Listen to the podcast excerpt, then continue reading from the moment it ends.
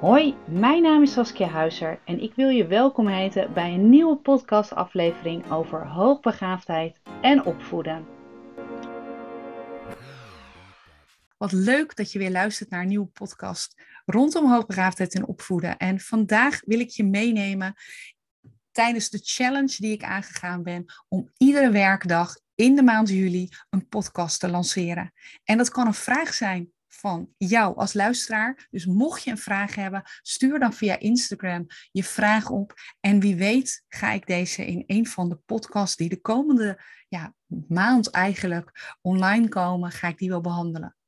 Uh, maar ik ga ook dingen uit de praktijk ga ik, uh, bespreken met jullie. En uh, vandaag wil ik eigenlijk ja, een zin bespreken die ik best wel vaak hoor en waar ik oprecht ja, aan de ene kant blij mee ben en aan de andere kant niet. En nu zul je misschien denken, Saskia, help me, want ik weet niet over welke zin je bedoelt. En dat is eigenlijk de zin, eindelijk iemand die mij begrijpt. Want wat ik merk, is dat ouders van hoogbegaafde kinderen of vermoedelijke ontwikkelingsvoorsprong zich vaak heel erg alleen voelen staan. Want mensen in hun directe omgeving ja, begrijpen soms niet waar zij zich precies druk om maken. Ze hebben toch immers een kind die gewoon hele goede resultaten haalt en die het na de basisschool of het voortgezet onderwijs ja, toch minimaal wel naar het VWO gaat. En waar een toekomst, een fantastische toekomst in het vooruitzicht ligt, misschien wel als arts of als tandarts of als bioloog. Of nou, in ieder geval een fantastisch, um, ja, mooi vooruitzicht qua beroep en uh, misschien ook wel als inkomen.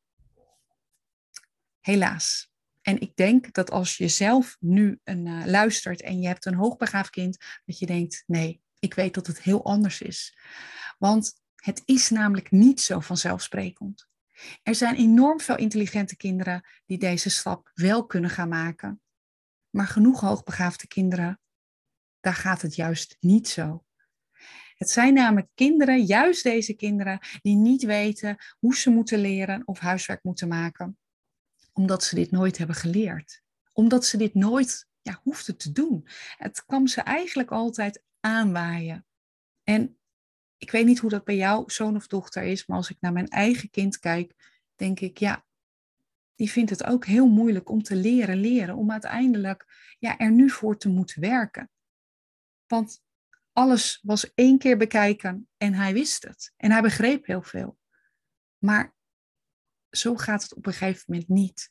Uh, zeker kinderen die of net voortgezet onderwijs gaan, of eventueel op de universiteit komen, of misschien zelfs al op de basisschool, die herkennen op een gegeven moment dat ze gewoon, ja, als er iets moeilijks voorbij komt, een bepaald onderwerp wat ze misschien niet zo liggen, ligt, dan weten ze niet hoe ze moeten leren of hoe ze huiswerk moeten maken. En ja, wat dan? En nou ja, dan zul je misschien denken, wat is het probleem dan?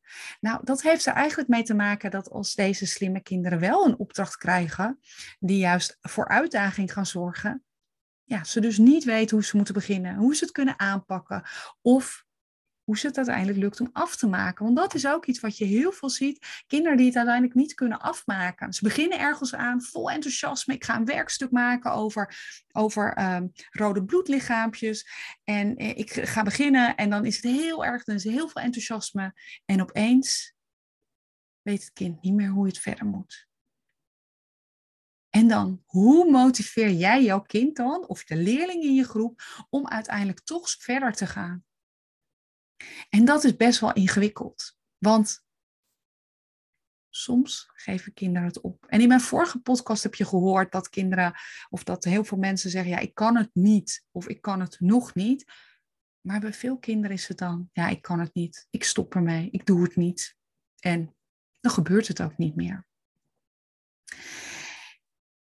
Ja, en wat dat is bij mij al een zucht, zo van, ja, wat moet je dan doen?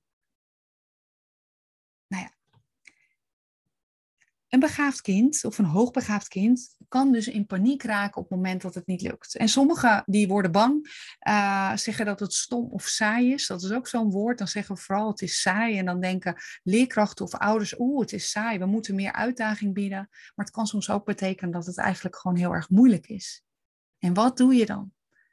Nou ja, sowieso heel veel geduld hebben. Ehm, een positieve overtuiging hebben of een compliment dat een kind dit wel kan en dan ook echt een gemeend compliment. Alleen met al die tips lukt het soms toch nog niet. En dan voelt jouw hoogbegaafde zoon of dochter zich juist zo dom.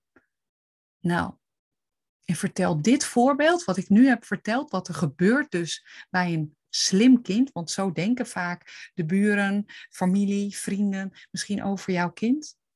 Vertel dan eens wat er dan gebeurt met je kind. Of dat dit sowieso gebeurt. En ik moet eerlijk zeggen, ik ben dan heel blij dat ik jou als ouder een stapje op weg kan helpen.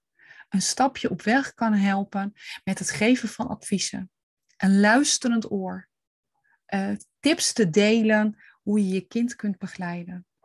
Ik ben daar dankbaar voor.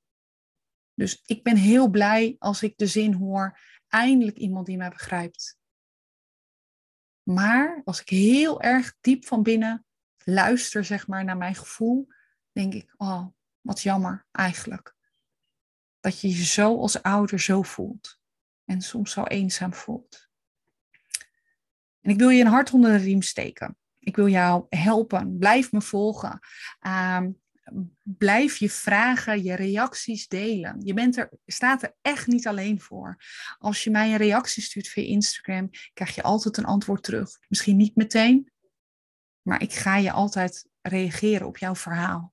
Al is het even dat je gewoon je verhaal kwijt kunt en dat ik alleen maar kan zeggen, wat ontzettend vervelend voor je. En uh, dat ik misschien een tip kan delen. Je mag altijd je verhaal of tenminste, je mag altijd je verhaal delen en je kunt het altijd bij mij kwijt. En ik denk dat ik je eigenlijk altijd wel begrijp ook wat er afspeelt in jouw hart, in jouw hoofd, uh, wat het met je kind doet. En soms helpt dat dan een klein beetje.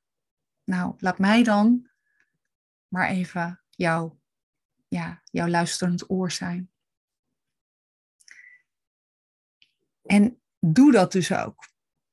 Nou, Mocht je meer willen weten van mij, van meer willen weten over mij, volg me dan. Volg me op Instagram, daar ben ik het meest actief.